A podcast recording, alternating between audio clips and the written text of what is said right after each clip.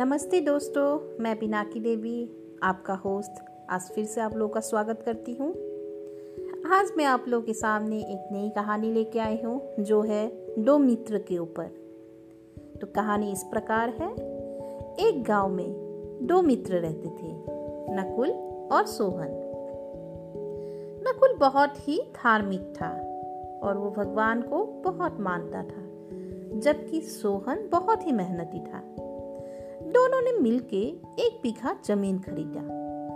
और उन लोगों ने सोचा कि वहाँ पे वो लोग फ़सल उगा के उसको बेच के अपना अपना घर बनाएगा। तो जैसे ही सोहन हम लोगों का बहुत ही मेहनती था तो खेत में मेहनत करना चालू कर दिया। वो दिन रात काम करता था, फ़सल सींचता था, पानी देता था, हर कोई काम बहुत ही लगन से करता था। और नकुल कुछ काम नहीं करता था।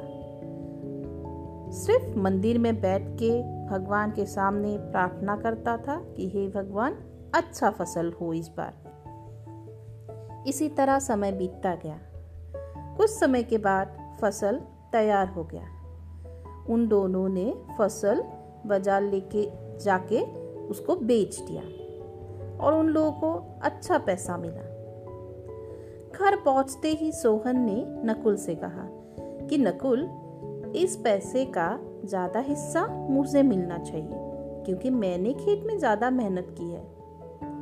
ये सुनते ही नकुल बोल उठा कि नहीं नहीं, ऐसे कैसे हो सकता है? दिन रात तो भगवान के सामने मैंने प्रार्थना की थी कि अच्छी फ़सल हो। तो भगवान के बिना कुछ नहीं हो सकता था तो तुम्हें कैसे ज़्यादा हिस्सा मिल जाए? तो इस तरह दोनों एक निर्णय में नहीं पहुँच पाए और दोनों ने गाँव के मुखिया के पास जाने का फैसला किया। गाँव के मुखिया के पास जाते ही पूरा बात सुन के गाँव के मुखिया ने बोला कि ठीक है और उन लोगों को एक एक बोरा चावल का दिया, जिसमें कंकर भी मिला हुआ था।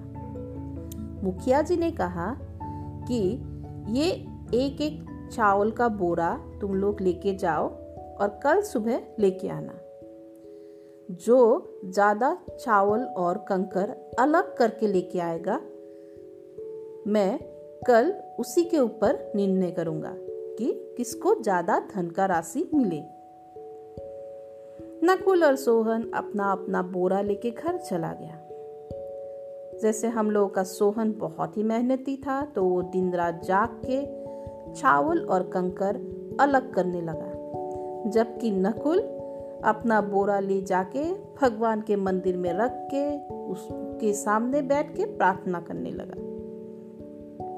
अगले दिन सुबह सोहन जितना हो सका चावल और कंकर अलग करके मुखिया जी के पास लेके गया, जिसे देख के मुखिया जी बहुत खुश हुए।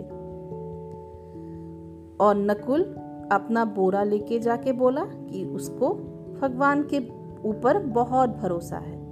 तो भगवान ने उन, उसका चावल साफ़ कर दिया और जैसे ही उसने बोरा खोला, देखा कि उसका बोरा जैसे था, वैसे ही है।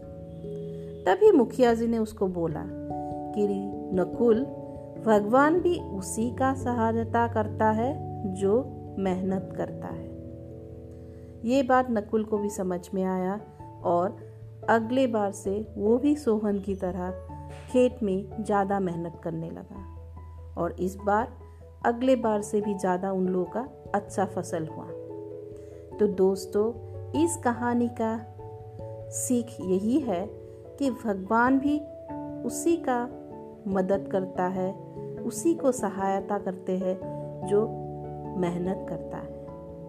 और इसी सीख के साथ मैं अपना कहानी आज यहीं पे समाप्त करती हूँ। नमस्ते।